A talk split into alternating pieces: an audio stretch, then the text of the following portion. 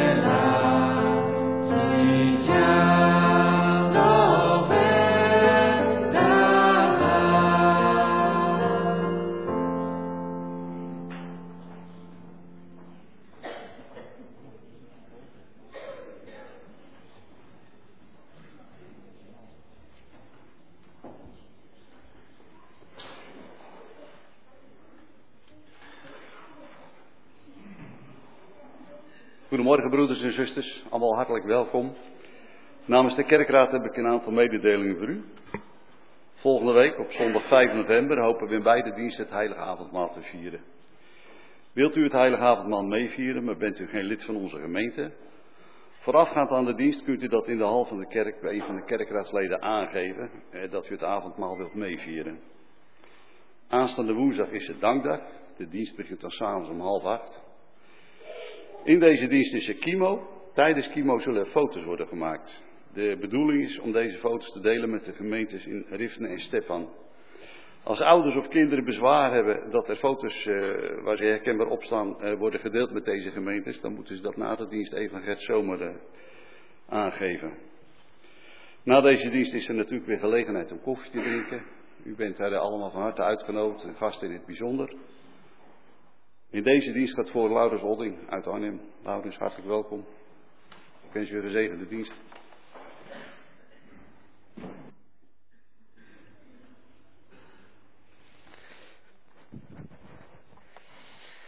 Goedemorgen.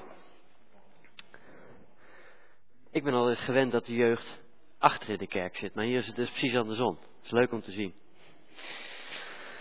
Wij gaan eh, de dienst beginnen op vrolijke noot. Want heel Gods koninkrijk ligt binnen ons bereik. Het is daar waar wij leven in vreugde en vrede met God. En daar gaan we van zingen. Met Sela, heel uw koninkrijk.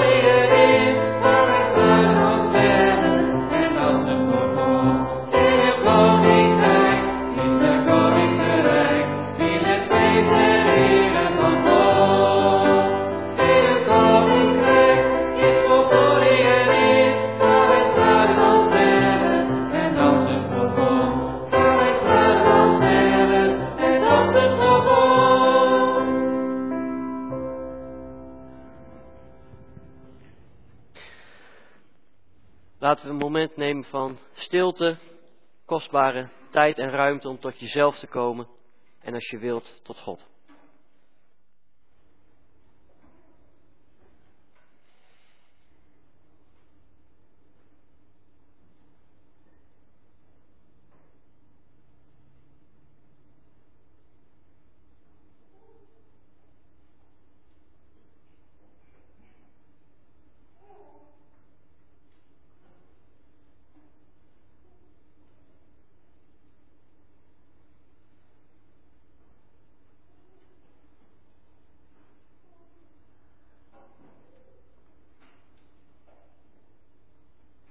willen we ons zingen.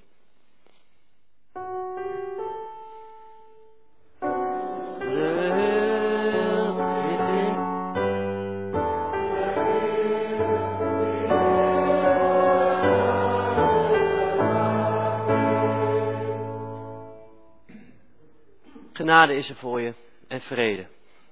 Van, onze, van God onze Vader, door zijn Zoon, onze Heer Jezus Christus in verbondenheid met zijn Heilige Geest.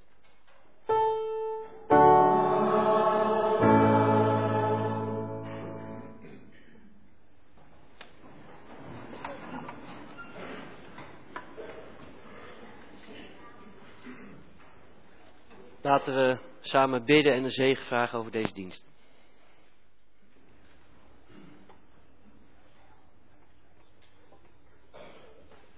Liefdevolle God grote schepper van hemel en aarde.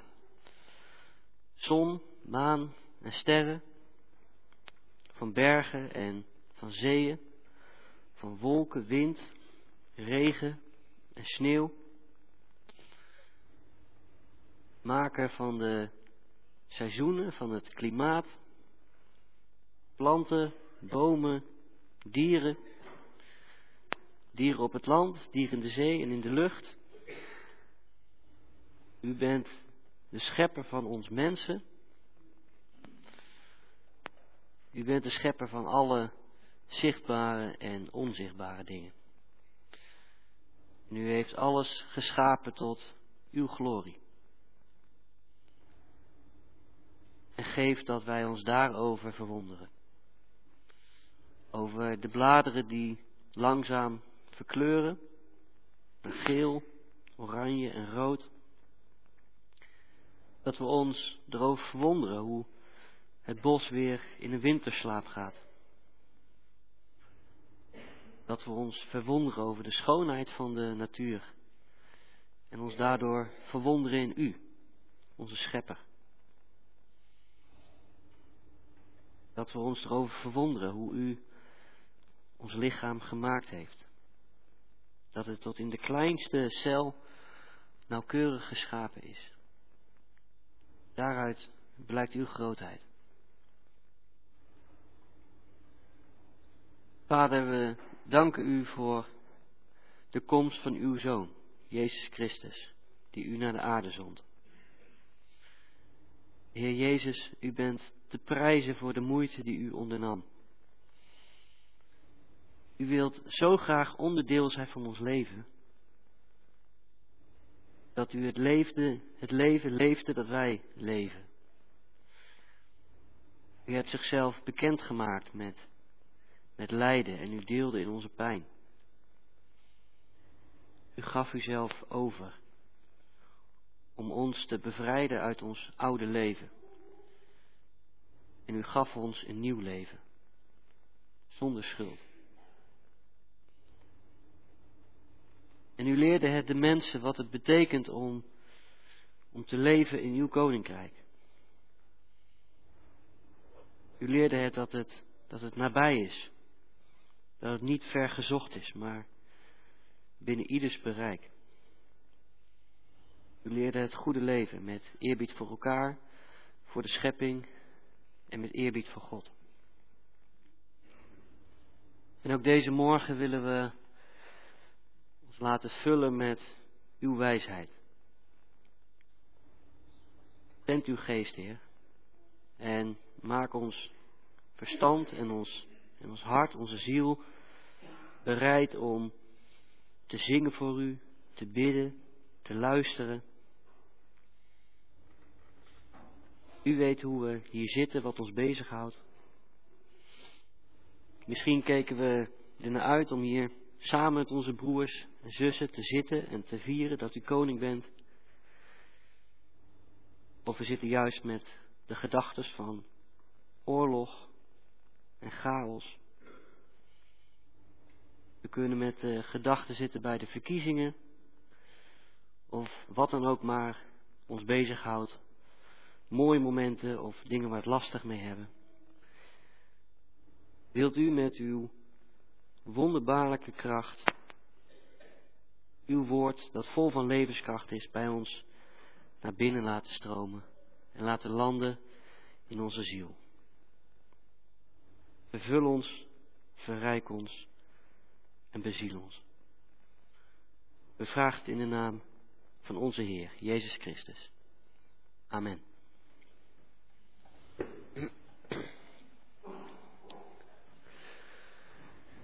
Er is weer Kimo en die wilde graag na het gebed uh, nou, hun eigen ding gaan doen, dus daar is nu de ruimte voor.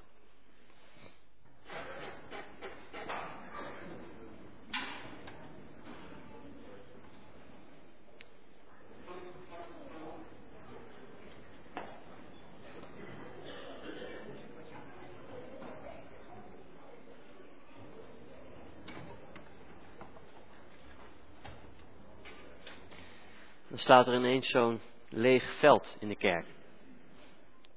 ook wel jammer, hè? Wij leven in een uh, wereld waarin dat koninkrijk van God soms ook heel ver weg lijkt te zijn. En dan kunnen we denken aan de situatie in Oekraïne, Israël Palestina, Afghanistan. Dat zijn dan nog de landen waarvan we het weten, omdat dat nou ja, relatief dichtbij is. Maar het is ook in Congo, Ethiopië, Jemen, Myanmar. En ik kan nog wel even doorgaan. En toch blijven wij volharden in Gods werkelijkheid. En daar willen we ook voor bidden. Wij gaan bidden met Psalm 72 voor goede leiders. Leiders die gericht zijn op vrede in plaats van op macht. Leiders die erop gericht zijn dat ze weten er is uiteindelijk maar één echte koning. En dat is Jezus. En hij zal vrede brengen. We zingen Psalm 72. Vers 1 zingen we allemaal en vers 7 ook.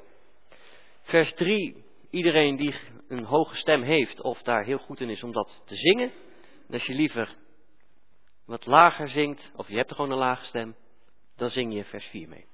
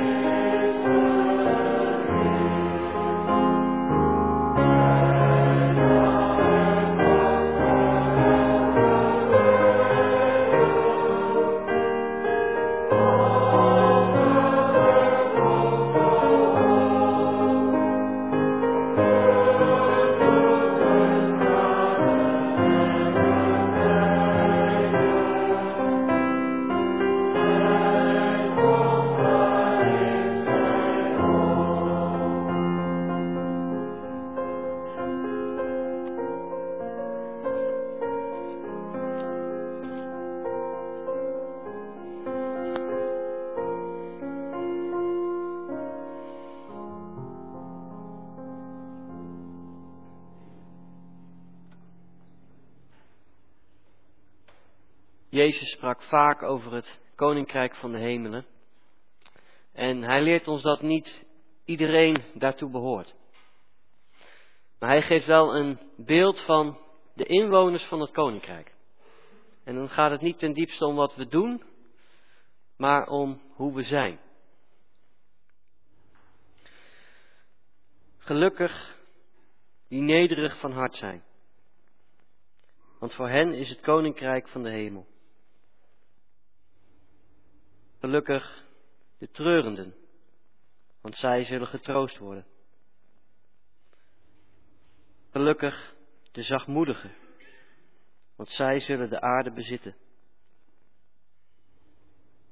Gelukkig wie hongeren en dorsten naar gerechtigheid, want zij zullen verzadigd worden. Gelukkig de barmhartigen, want zij zullen barmhartigheid ondervinden. Gelukkig wie zuiver van hart zijn, want zij zullen God zien. Gelukkig de vredestichters, want zij zullen kinderen van God genoemd worden. Gelukkig wie vanwege de gerechtigheid vervolgd worden, want voor hen is het koninkrijk van de hemel. Laten we een moment nemen om deze woorden nog eens in stilte te overdenken.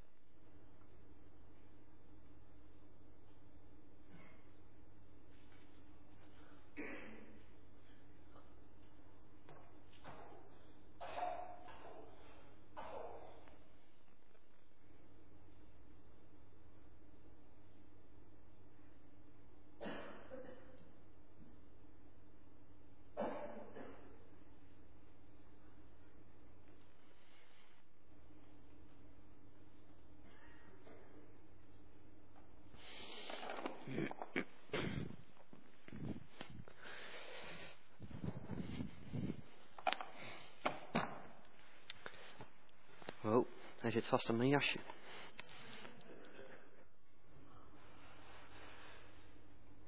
Heb ik dit zelf? Waarschijnlijk wel. Volgens mij is het gelukt. Ik denk dat het is gelukt. Ja. Ik ben uh, van het zomer, uh, heb ik mijn studie afgerond. Toen heb ik eerst twee maanden lang niet zo heel veel gedaan. Behalve boeken lezen en een beetje fietsen. Vond dat ik dat wel verdiend had. Op een gegeven moment dacht ik, het wordt toch wel eens tijd dat ik weer eens wat ga doen voordat ik echt helemaal predikant ben. dan moet je ook nog weer langs een kerkelijke vergadering voordat het zover is. Dus ik dacht, in Kampen ben ik wel eens glazenwasser geweest. Kan ik prima wel nog een keertje doen. goede spullen geregeld. Echt uh, heel uh, professioneel loop ik dan zo twee dagen in de week rond. ik heb zo een bakje vol mijn sponsje. Nou, dan ben je echt professioneel. En dan was ik van de week met mijn collega's in een school in uh, Uggelen. Daar heb ik een plaatje van. Hier moest ik schoonmaken. Nou, best uh, grote school. En als je goed kijkt, dan zie je dat dus eigenlijk al die muren van het klaslokaal naar de gang, is allemaal glas. Ja, daar ben je echt een dag bezig. Ik ben helemaal gek van. Je moet natuurlijk de ene kant doen, maar dan moet je ook nog weer het klaslokaal in doen, nog weer de andere kant. Het zijn redelijk hoge ramen. Ik ben klein van stuk, maar kan er net bij. Hè? Dus pak eerst mijn wasser, hup, die gaat van boven naar beneden, helemaal zo, uh, hup. Dan pak ik mijn wisser, begin ik ook weer boven, ga ik naar beneden. En uiteindelijk eindig ik dan altijd op mijn knieën, zo helemaal hier beneden. En dat is voor mij best een handige positie als ik even zo voor het raam zit. Want als ik nou wil zien of dat ik niet ergens iets vergeten ben, of er zit nog ergens wat, dan moet ik zo langs dat raam even omhoog kijken en dan zie ik meteen alles. Kan ik meteen zien of het schoon is. En terwijl ik daar zo voor de, nou ja, de zoveelste keer op mijn knieën zat bij het zoveelste raam, dacht ik, eigenlijk is dit best een mooie positie voor een christen. Je zit op je knieën en je kijkt omhoog. En het ene moment keek ik naar het raam, het andere moment dacht ik, ja, ik kijk eigenlijk ook een beetje naar God omhoog. Als ik bid en ik kniel en ik kijk omhoog, dan verwacht ik het echt van God. Ik vind dat een hele mooie gebedshouding. Dus ik wil jullie eigenlijk ook uitdagen, niet nu, maar wel om deze week thuis het gewoon eens te proberen. Gewoon eens een keer te doen, te ervaren. Misschien vind je het niks, maar misschien leeft je dus wel wat op door gewoon eens knielend te bidden. Misschien ook omhoog te kijken en, en je gebed uit te spreken. En dan leer je niet alleen in je woorden, maar dan leer je via je lichaam, leer je die afhankelijkheid van God aan. Omdat je ook echt omhoog moet kijken. Van Hem verwachten we het. De kinderen, die nu bijna allemaal weg zijn, denk ik, die hebben deze week een lied geleerd op de basisschool. Uh, en die past daar goed bij. Die gaat over dat God onze vader is en wij zijn kinderen. En die gaan we zingen.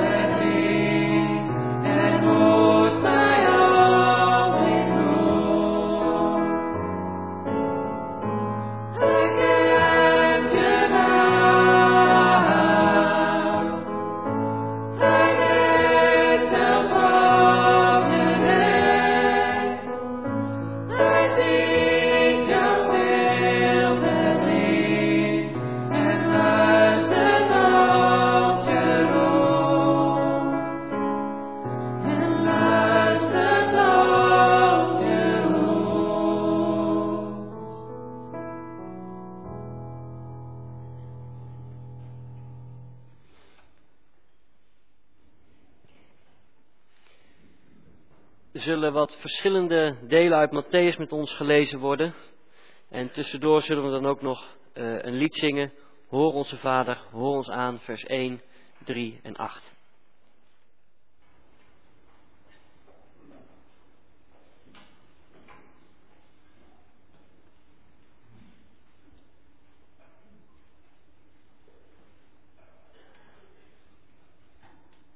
We beginnen met Matthäus 3, vers 1 en 2.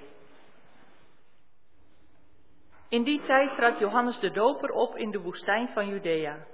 Hij verkondigde: Kom tot inkeer, want het koninkrijk van de hemel is nabij.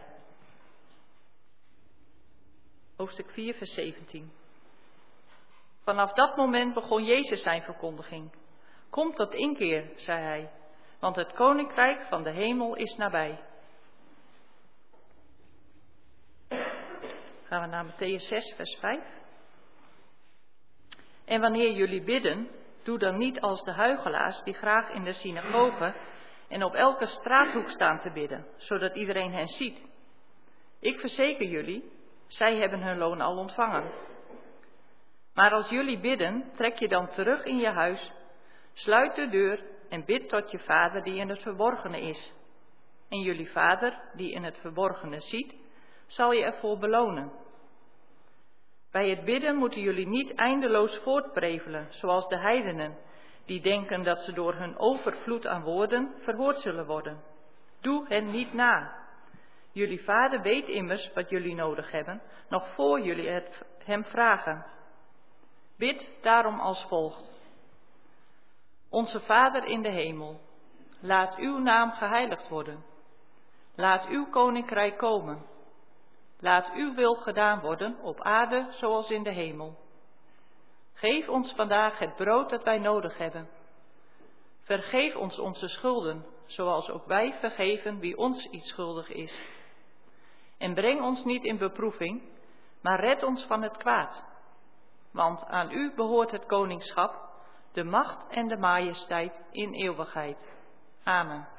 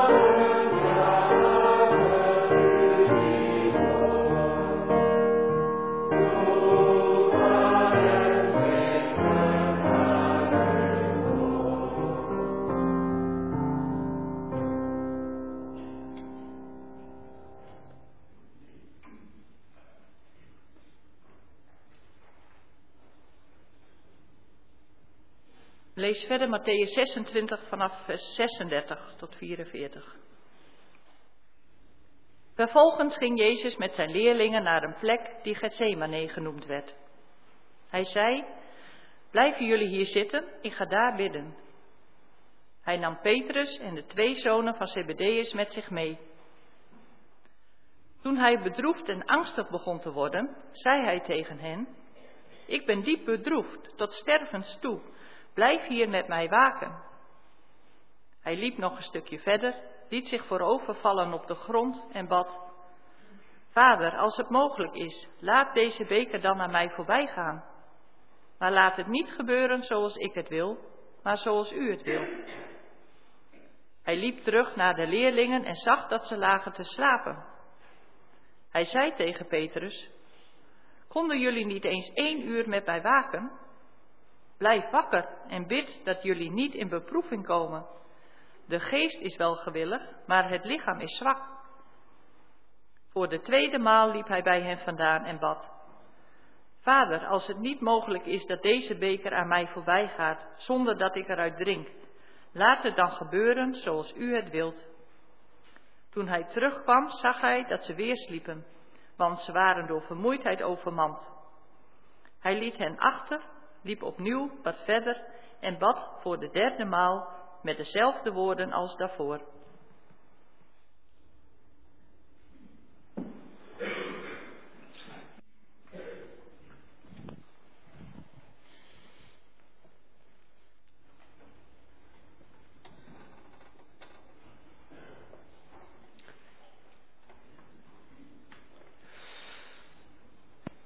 Stel je eens voor dat je met iemand een dagje door de stad loopt.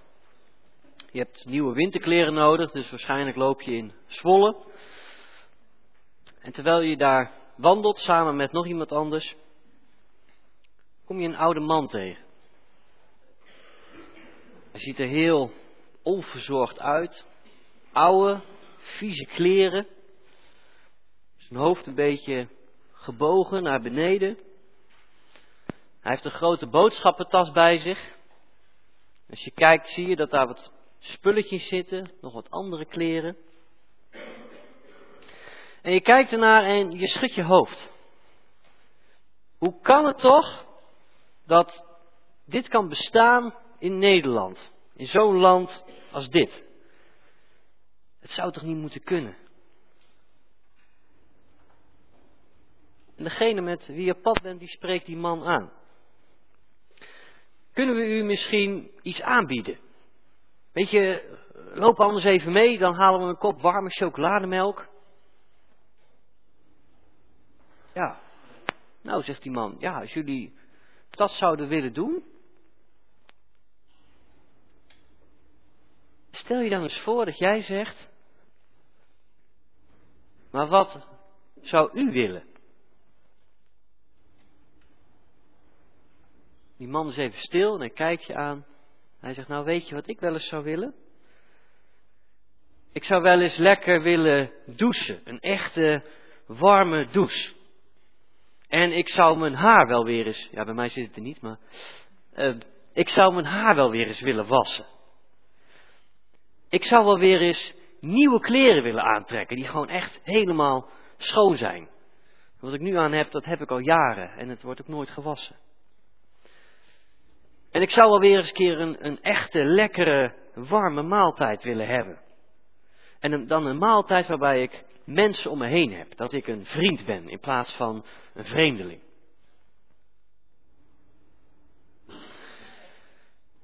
En je kijkt eens naar die man. En je ruikt hem ook. Je ziet alle viezigheid. Hij ziet er ook een beetje gek uit. En je stelt je eens voor dat hij jou schone huis binnenloopt. Dat hij gaat douchen, dat hij blijft eten. Zou die dan ook nog weggaan of wil hij ook nog slapen? Weet je, in het algemeen vind je het niet oké dat dit kan gebeuren in dit land, maar nu wordt het wel heel concreet. Maar stel je dan toch eens voor dat je zou zeggen, wat u wilt. Uw wil geschieden. Zou je dat kunnen voorstellen? Wil jij leven naar de wil van een, van een ander? Een wil dat zeker niet jouw wil is? Wil jij leven naar de wil van God? Wil jij leven naar de regels van het koninkrijk van de hemel? Het zijn best spannende vragen om eens echt over na te denken. En Jezus leert ons om dat vooral ook te bidden. Laat uw koninkrijk komen. Op aarde zoals het in de hemel is. Daar wil ik jullie vanochtend over toespreken. Want door te bidden zoals Jezus dat leert, bewegen wij toe naar dat koninkrijk van de hemel. Naar het koninkrijk van God.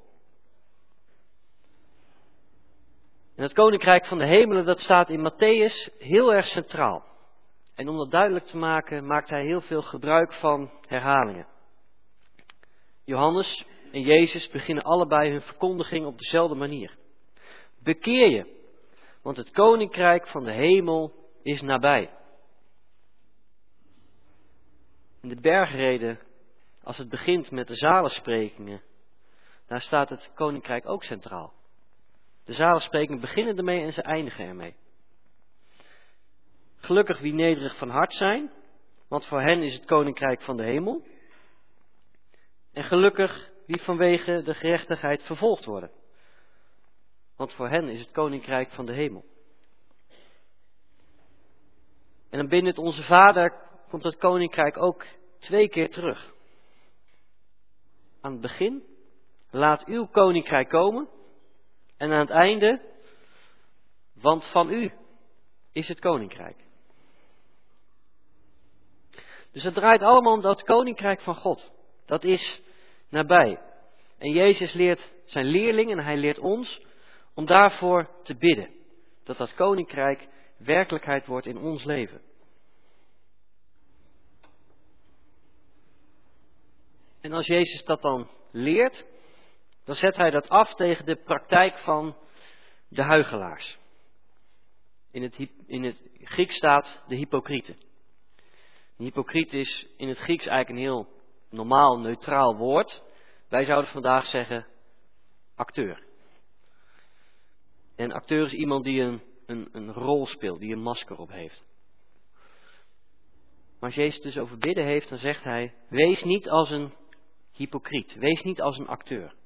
Speel geen, geen rol als je gaat bidden. Wees geen acteur. Juist in die tijd was het iets normaler dan nu. Dat mensen wel eens hardop op straat begonnen te bidden of, of in de synagoge. Ja, wij zouden daar waarschijnlijk best hard van schrikken als iemand op de straat ineens begint te bidden. O grote God die in de hemel zijt. Bla bla bla, nog een heel gebed vloeit daaruit voort. Als je naar het kijken, denk je, nou, dat weet ik niet zo, hè? Dat vind ik raar. Dus wij zijn daar niet echt jaloers op. Maar in die tijd wel. Dat zijn de mensen waar het, waar het goed mee zit. Wij vinden het juist best wel lastig om te bidden. Laat staan als dat dan nog hardop is voor een groep, of al zijn het maar twee of drie mensen. Als ik bij mensen op bezoek kom, tijdens mijn stage, in de, voor een pastoraal bezoek, dan voel ik ook vaak aan aan het eind van, zullen we samen bidden?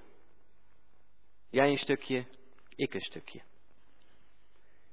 9 van de 10 keer zie je mensen al angstig kijken. Uh, ik heb liever dat jij het doet. En ik, ik bid wel mee, ik stem wel in. Bidden voor een groep mensen, dat is, is lastig voor ons. Dat vinden we beangstigend. En wij, wij worstelen met dat gebed. En ik denk dat heel veel van ons zouden zeggen, ja weet je, ik, ik ben niet zo'n goede bidder. Ik kan de woorden niet vinden en dan, dan, dan, dan, dan stuntel ik een beetje over mijn woorden heen. Boeien. En dat moet ik ook nog steeds wel eens tegen mezelf zeggen. Maar echt, boeien. Alsof God erop zit te wachten dat jij met je mooie woorden en je mooie zinnen aankomt te zetten. Alsof hij daarop zit te wachten. ik snap wel dat het intimiderend kan zijn om, om voor een groep mensen te bidden. En dat is het punt ook niet. Maar het gaat erom dat God geen poëtisch mooie zinnen van ons verlangt. Hij verlangt ons hart. En toch, ook als ik kijk naar mijn eigen gebeden door mijn leven heen, dan is dat toch een van de moeilijkste dingen aan christen zijn. Dat bidden, dat is lastig, het is worstelen. En ik denk dat dat het ook gewoon is. Ik denk dat bidden worstelen is. Bidden is als Jacob die met God worstelt bij de Jabok. En hij kreeg de naam Israël. Je hebt met God en met mensen gestreden, geworsteld en je hebt overwonnen. En misschien worstel je niet graag, niet met mensen, maar ook zeker niet in je gebed. Maar God verlangt geen mooie, poëtische gebeden van ons. Dat hoeft niet. En niet voor niets zegt Jezus tegenover die hypocrieten: trek je terug in je huis, sluit de deur en bid tot je vader, die in het verborgene is en die in het verborgene ziet. En weet je waarom Jezus dat zegt? Als ik alleen thuis ben en ik bid, dan wordt mijn gebed heel snel, heel automatisch, behoorlijk authentiek. Het maakt dan eigenlijk niet zo heel veel meer uit wat ik zeg, want er luistert toch niemand mee. Behalve God, maar die weet echt wel wat ik bedoel. Het maakt ook niet zo heel veel uit hoe ik het zeg. Ik begin heel veel zinnen en halverwege weet ik eigenlijk al niet meer hoe ik hem af moet maken. Soms begin ik hardop en halverwege ben ik stil aan het bidden, of precies andersom. En soms ben ik gewoon een hele tijd stil. En dat is prima. Want God ziet in het verborgene. Hij kent mijn hart. Het is prima. En Jezus leert dan ook dat God ook echt geen overvloed aan woorden nodig heeft. Hij weet al lang wat we nodig hebben. En dan kun je denken, ja waarom, waarom bid je dan nog? Als God dan toch altijd alles al weet. Waarom zou je dan nog bidden? Het gaat erom dat je eerlijk wordt met God. Dat je real bent met God. Dat je bouwt aan die relatie. En als jij met een vriend of vriendin in gesprek bent, dan bestaat dat gesprek ook niet alleen maar uit nou ja, een, aantal feiten op een rij en daarna nog wat jij van de ander nodig hebt. Zonder emoties, zonder te delen wat er in je omgaat, zonder te vragen hoe het met de ander is. Het zou een hele rare vriendschap zijn, zou ik zeggen. Het punt is met bidden dat je bouwt aan die relatie. Dat je eerlijk met God bent. Daarom zegt Jezus, trek je dan maar terug in je huis. Word eerlijk met God.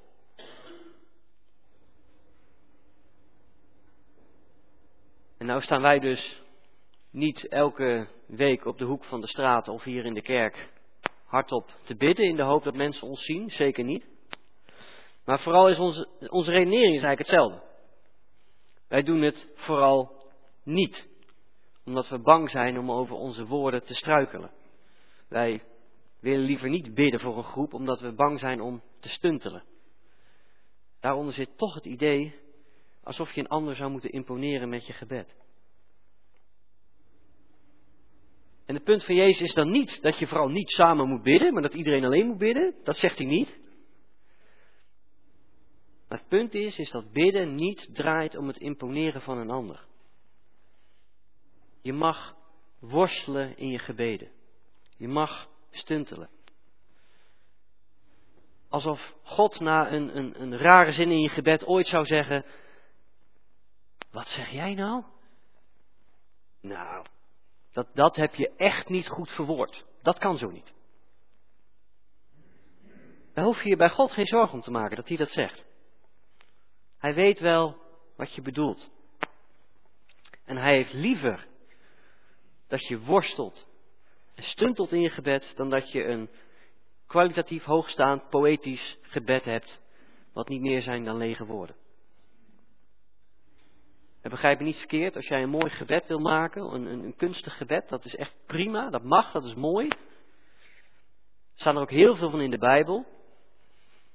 Maar zorg ervoor dat je ten eerste eerlijk kunt zijn met God.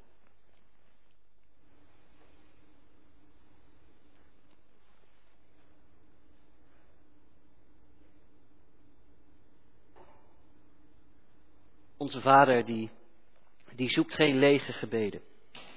Maar wat zo fascinerend is, is dat Jezus daarna dus wel aansluit bij de traditie van die tijd. Namelijk, hij leert zijn leerlingen een, een modelgebed. Hij leert ze bidden. Het Onze Vader. Of je zou vandaag ook kunnen zeggen, ons pap. Of papa. Zo dichtbij mag het komen. En dan is niet het idee dat je dat hersenloos uit je hoofd kunt opzeggen. Ons Vader die in de hemelen zijt, uw naam worden geheiligd, laat uw koninkrijk komen. Dat is een leeg gebed, als je dat zo achter elkaar door kan ratelen. En Jezus deed dat ook niet. We hebben gelezen van Jezus die, die worstelt in zijn gebed. Van hem weten we dat hij s'nachts uren kon worstelen in zijn gebed met God. En net voordat hij gevangen genomen wordt, gaat hij naar Gethsemane. En hij gaat daar bidden. Maar hij bidt daar ook echt niet honderd keer het Onze Vader letterlijk achter elkaar. En hij bidt ook niet de hele avond maar dat zinnetje, Vader, als het mogelijk is, laat dit aan mij voorbij gaan. Maar laat niet gebeuren wat ik wil, maar wat u wilt. Dat is hij niet honderd keer achter elkaar aan het citeren. Maar dat is wel het kader van zijn gebed. Waar hij de woorden in uitspreekt. Dat is het kader waarin zijn worsteling staat. Laat uw wil gedaan worden en niet mijn wil. Want het is uw koninkrijk. Door dat te bidden beweegt hij toe naar het koninkrijk. Hij ging echt volledig voor het koninkrijk. Hij ging door de, door de diepste hel heen. En je ziet Jezus hier worstelen met, met God, met de wil van God, met zijn eigen wil. Jezus worstelt met het kwaad en uiteindelijk overwon die. En als wij het onze Vader bidden, of een gebed wat daarop lijkt, dan worstelen wij mee met Jezus.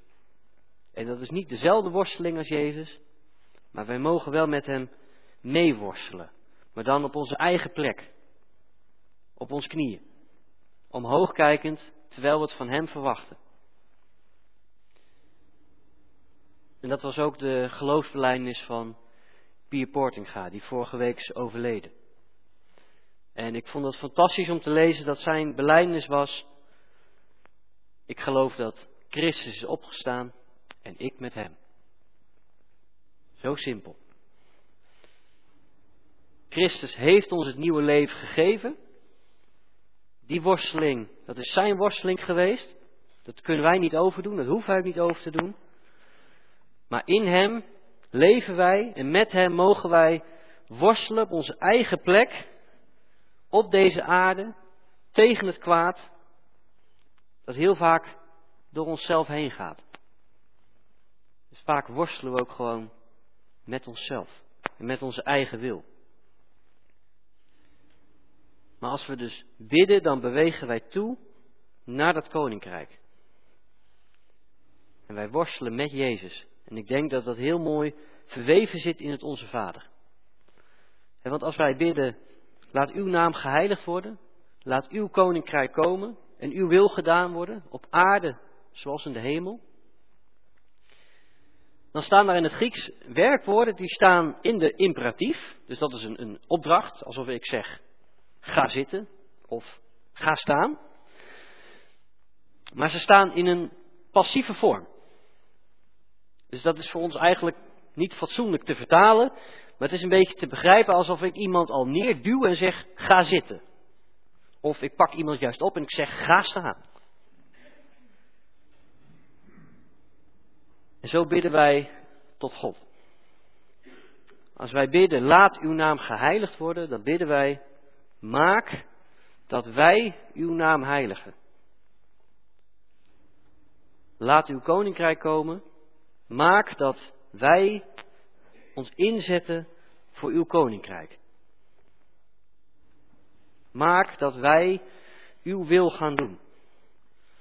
Dat wij gaan doen op deze aarde wat in de hemel al gebeurt. En daarom is bidden dan ook worstelen. Want wij bidden voor heel veel dingen waar wij in falen. En wij werken het koninkrijk zelfs vaak tegen. Wij bidden voor een koninkrijk dat nog niet volledig werkelijkheid is in deze wereld. Maar in dat gebed bewegen wij ons daar dus wel naartoe. En we nemen onszelf daarin mee. Dus onze Vader is een modelgebed. Niet alleen maar om precies zo uit te spreken zoals het er staat. Maar het is een, een routekaart, een, een, een gids.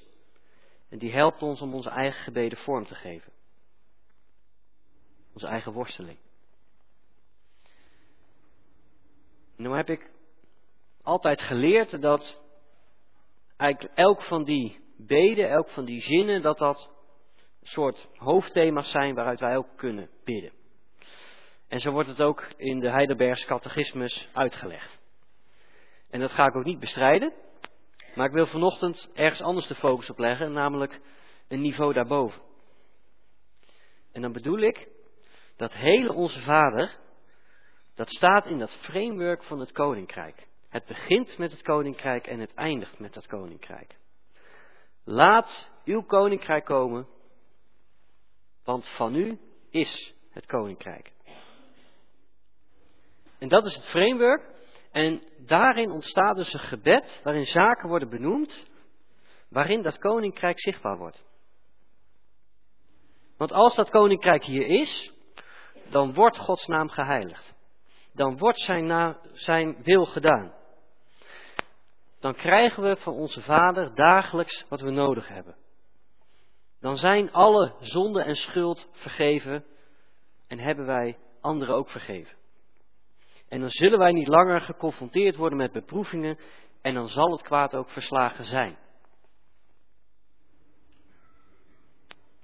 Maar het gaat dus om het koninkrijk. En het gaat erom dat je concrete zaken kunt benoemen die daarbij passen, die dat koninkrijk zichtbaar maken. Dan beweeg je toe naar dat koninkrijk. Als je dat concreet gaat maken, dan wordt dat een realiteit in dit leven. Dan ga je daar oog voor krijgen. Dus maak het concreet in je gebed. Waar ligt nou mijn verlangen? Waar dat koninkrijk zichtbaar wordt hier op aarde. Maak het concreet. Ik weet niet of je ooit wel eens een gesprek met een vriend of je partner hebt gehad waarin iemand heel erg algemeen en vaag bleef. Ik vind dat heel ongemakkelijk.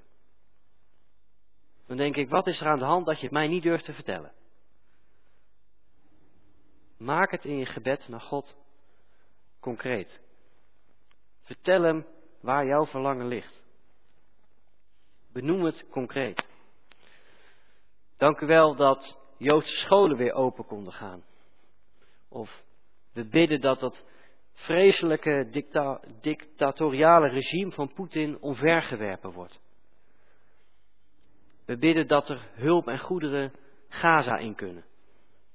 We bidden voor broer of zuster X die een operatie moet ondergaan. We bidden voor gezin Y die. moet even wat bedenken die zich niet helemaal thuis voelt hier in de kerk. Ik bid dat ik niet te zwaar beproefd word in mijn verlangen om alsmaar gezien te worden door mensen. Of ik bid dat ik de kracht krijg om de fiets te pakken in plaats van de auto. Want van u is het koninkrijk. En daar bidden we voor. Tot slot. Het is een hele worsteling om te leven, om te bidden naar dat nabije koninkrijk. En laat het dat ook maar gewoon zijn. Een worsteling. En benoem in je gebed concreet waar jouw verlangen ligt, waar het koninkrijk werkelijkheid wordt. Op die manier worstelen wij mee met Jezus. Amen.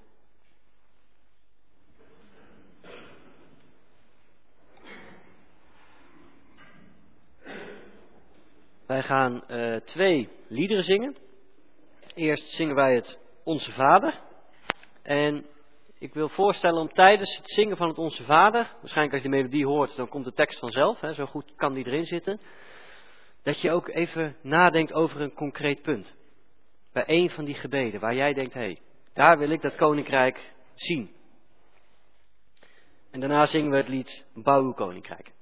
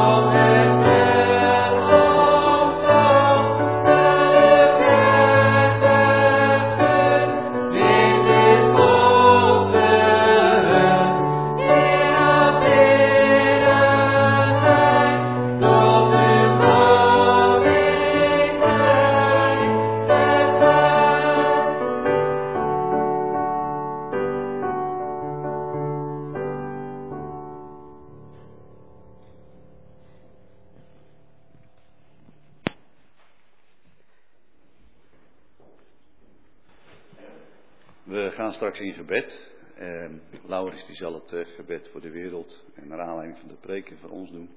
En ik zal het gedeelte wat onze gemeente aangaat uh, in het gebed brengen bij de Heer. En daarbij denken we in het bijzonder aan de familie Dieu, die afgelopen week 15 jaar getrouwd mocht zijn. en we denken aan Manuele van het Hof, die veel pijn heeft. Ook voor haar zullen we bidden. Laten we bidden.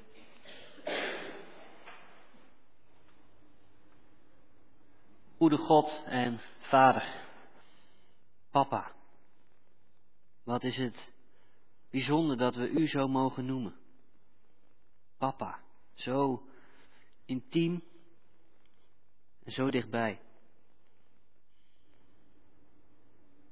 Wat een feest dat we bij U zo onszelf mogen zijn. Want U hebt ons gemaakt, U kent ons door en door en U houdt van ons. En Uw Zoon leerde ons bidden. En leerde ons om daarin echt en eerlijk met U te zijn. Want bij U kan dat gewoon. Bij U hoeven we ons niet beter of mooier voor te doen dan we zijn. Bij U mogen we stuntelen en worstelen. Dank u wel daarvoor. En vader, geef ons dan ook dat we ons bij u vertrouwd mogen voelen. Wat het ook is wat ons bezighoudt. Geef ons de moed om concreet te benoemen wat we lastig vinden of wat we juist zo erg verlangen. We bidden niet om, om goede woorden en mooie zinnen, maar om moed om het bij u neer te leggen. Het uit te spreken.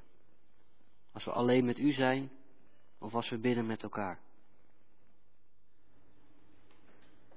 En wat een feest is het dan om te beseffen dat u ons niet enkel bij de hand pakt, maar dat u ons verantwoordelijkheid geeft.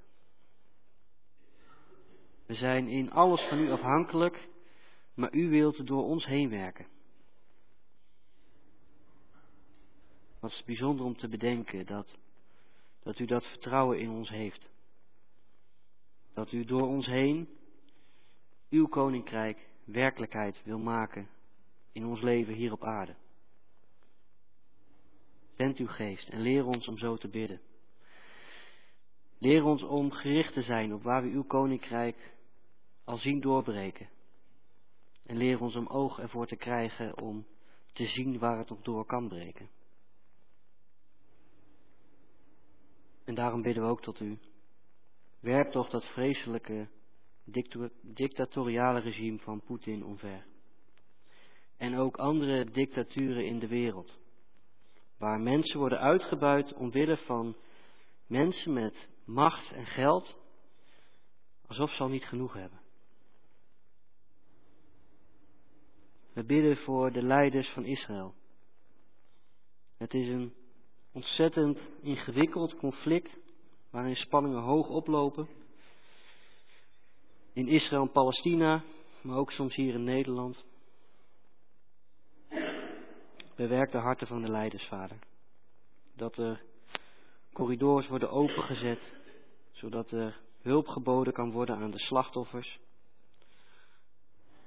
En geef dat hulporganisaties het satellietwerk van Elon Musk kunnen gebruiken. Ook al is er het gevaar dat, dat terroristen hier ook gebruik van maken. Laat toch van Gaza niet de duisterste plek op aarde worden. Waar onschuldig het leven moeten laten. Heer, we bidden voor de campagne die hier in Nederland begonnen is. Er zijn veel nieuwe lijsttrekkers. Iedereen probeert zich op zijn eigen manier te presenteren. We bidden voor hen dat ze eerlijk hun verhaal vertellen. Dat ze het niet mooier maken dan het is. Dat ze niet makkelijk proberen te scoren om kiezers te winnen. Geef hen wijsheid en kracht en geef ook ons wijsheid en kracht om de goede keus te maken die niet alleen goed is voor onszelf, maar ook voor de maatschappij en voor kwetsbare mensen in het bijzonder. En Heer, we bidden u, luister ook naar het gebed voor de gemeente en voor onze broers en zussen. Vader, ook willen we u danken voor de gemeente waar u ons geplaatst hebt. Er zijn veel gaven in onze gemeente. Wilt u geven dat we die mogen en kunnen inzetten? Er zijn veel mensen en meningen, maar er is één ding wat ons allemaal verbindt. En dat is uw onvoorwaardelijke liefde, die we allemaal mogen ervaren door uw offer voor ons. We willen u vandaag ook danken met Erik en Klaske de Jeu, die afgelopen week hun 50-jarig huwelijksjubileum mochten vieren. U bent er altijd voor hen geweest. In voor- en tegenspoed, in tijden van groot verdriet en grote blijdschap. En we weten dat deze dingen vaak dicht bij elkaar liggen. Wilt u ook uw kinderen troosten die leven met een gebroken relatie? Alleen achterbleven dat een partner overleed, of die wel verlangen naar een relatie, maar dit verlangen niet ingevuld zien. Heer, woorden ook van Manuele van het Hof, die veel pijn heeft en veel op bed moet liggen. Wilt u met uw geest in haar hart en in haar leven zijn? Wilt u haar genezing van haar pijn geven? Heren, we danken u wel voor alle dienaren die er zijn die uw woord willen brengen. Heere God, wilt u hun werk zegenen. Wilt u ons gebed verhoren en ook onze dank aannemen. Om Christus wil vragen we u dat. Amen.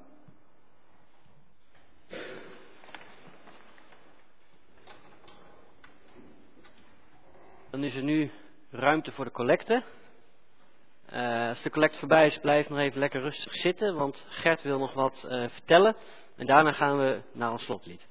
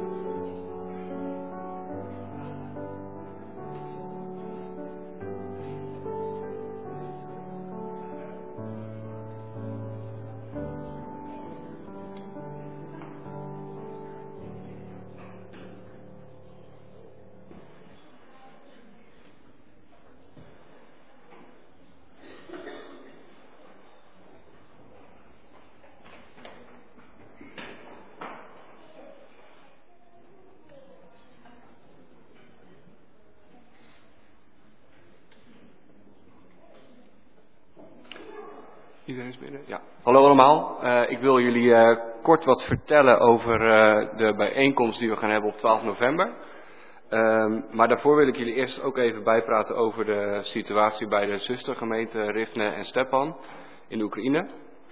Want ehm, de oorlog die gaat daar maar door en er lijkt ook voorlopig geen einde aan te komen.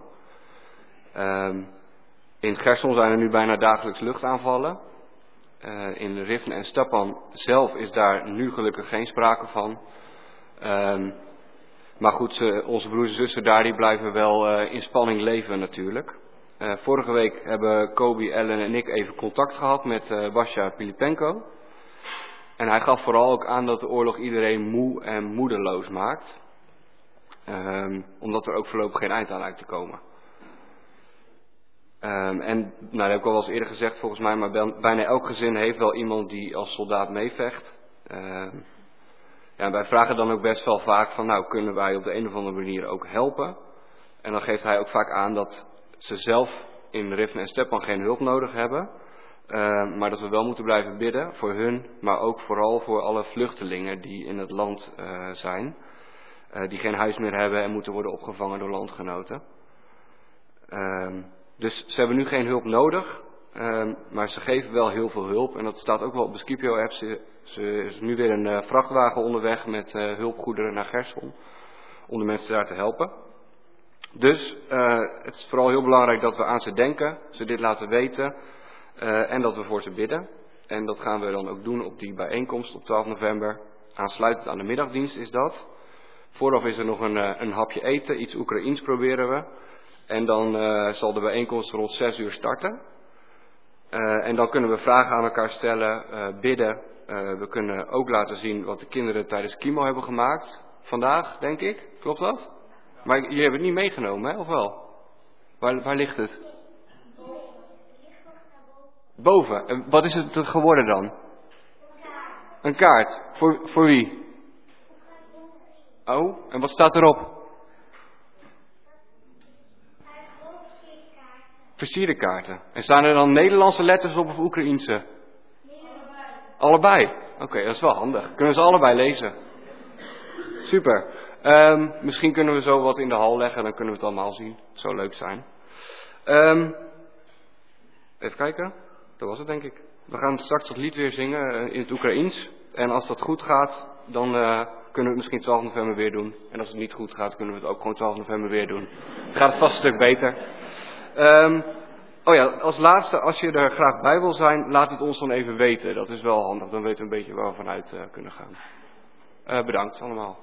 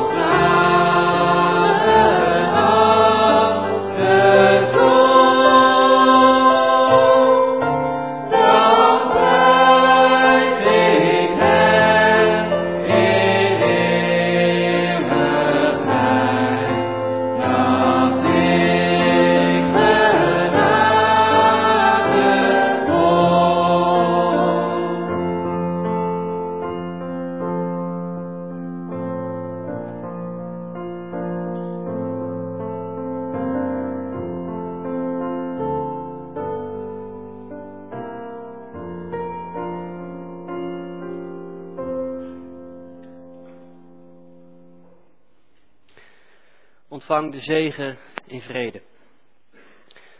De genade van onze Heer Jezus Christus en de liefde van God en de kracht en de troost en de bescherming van de Heilige Geest is met jullie allen.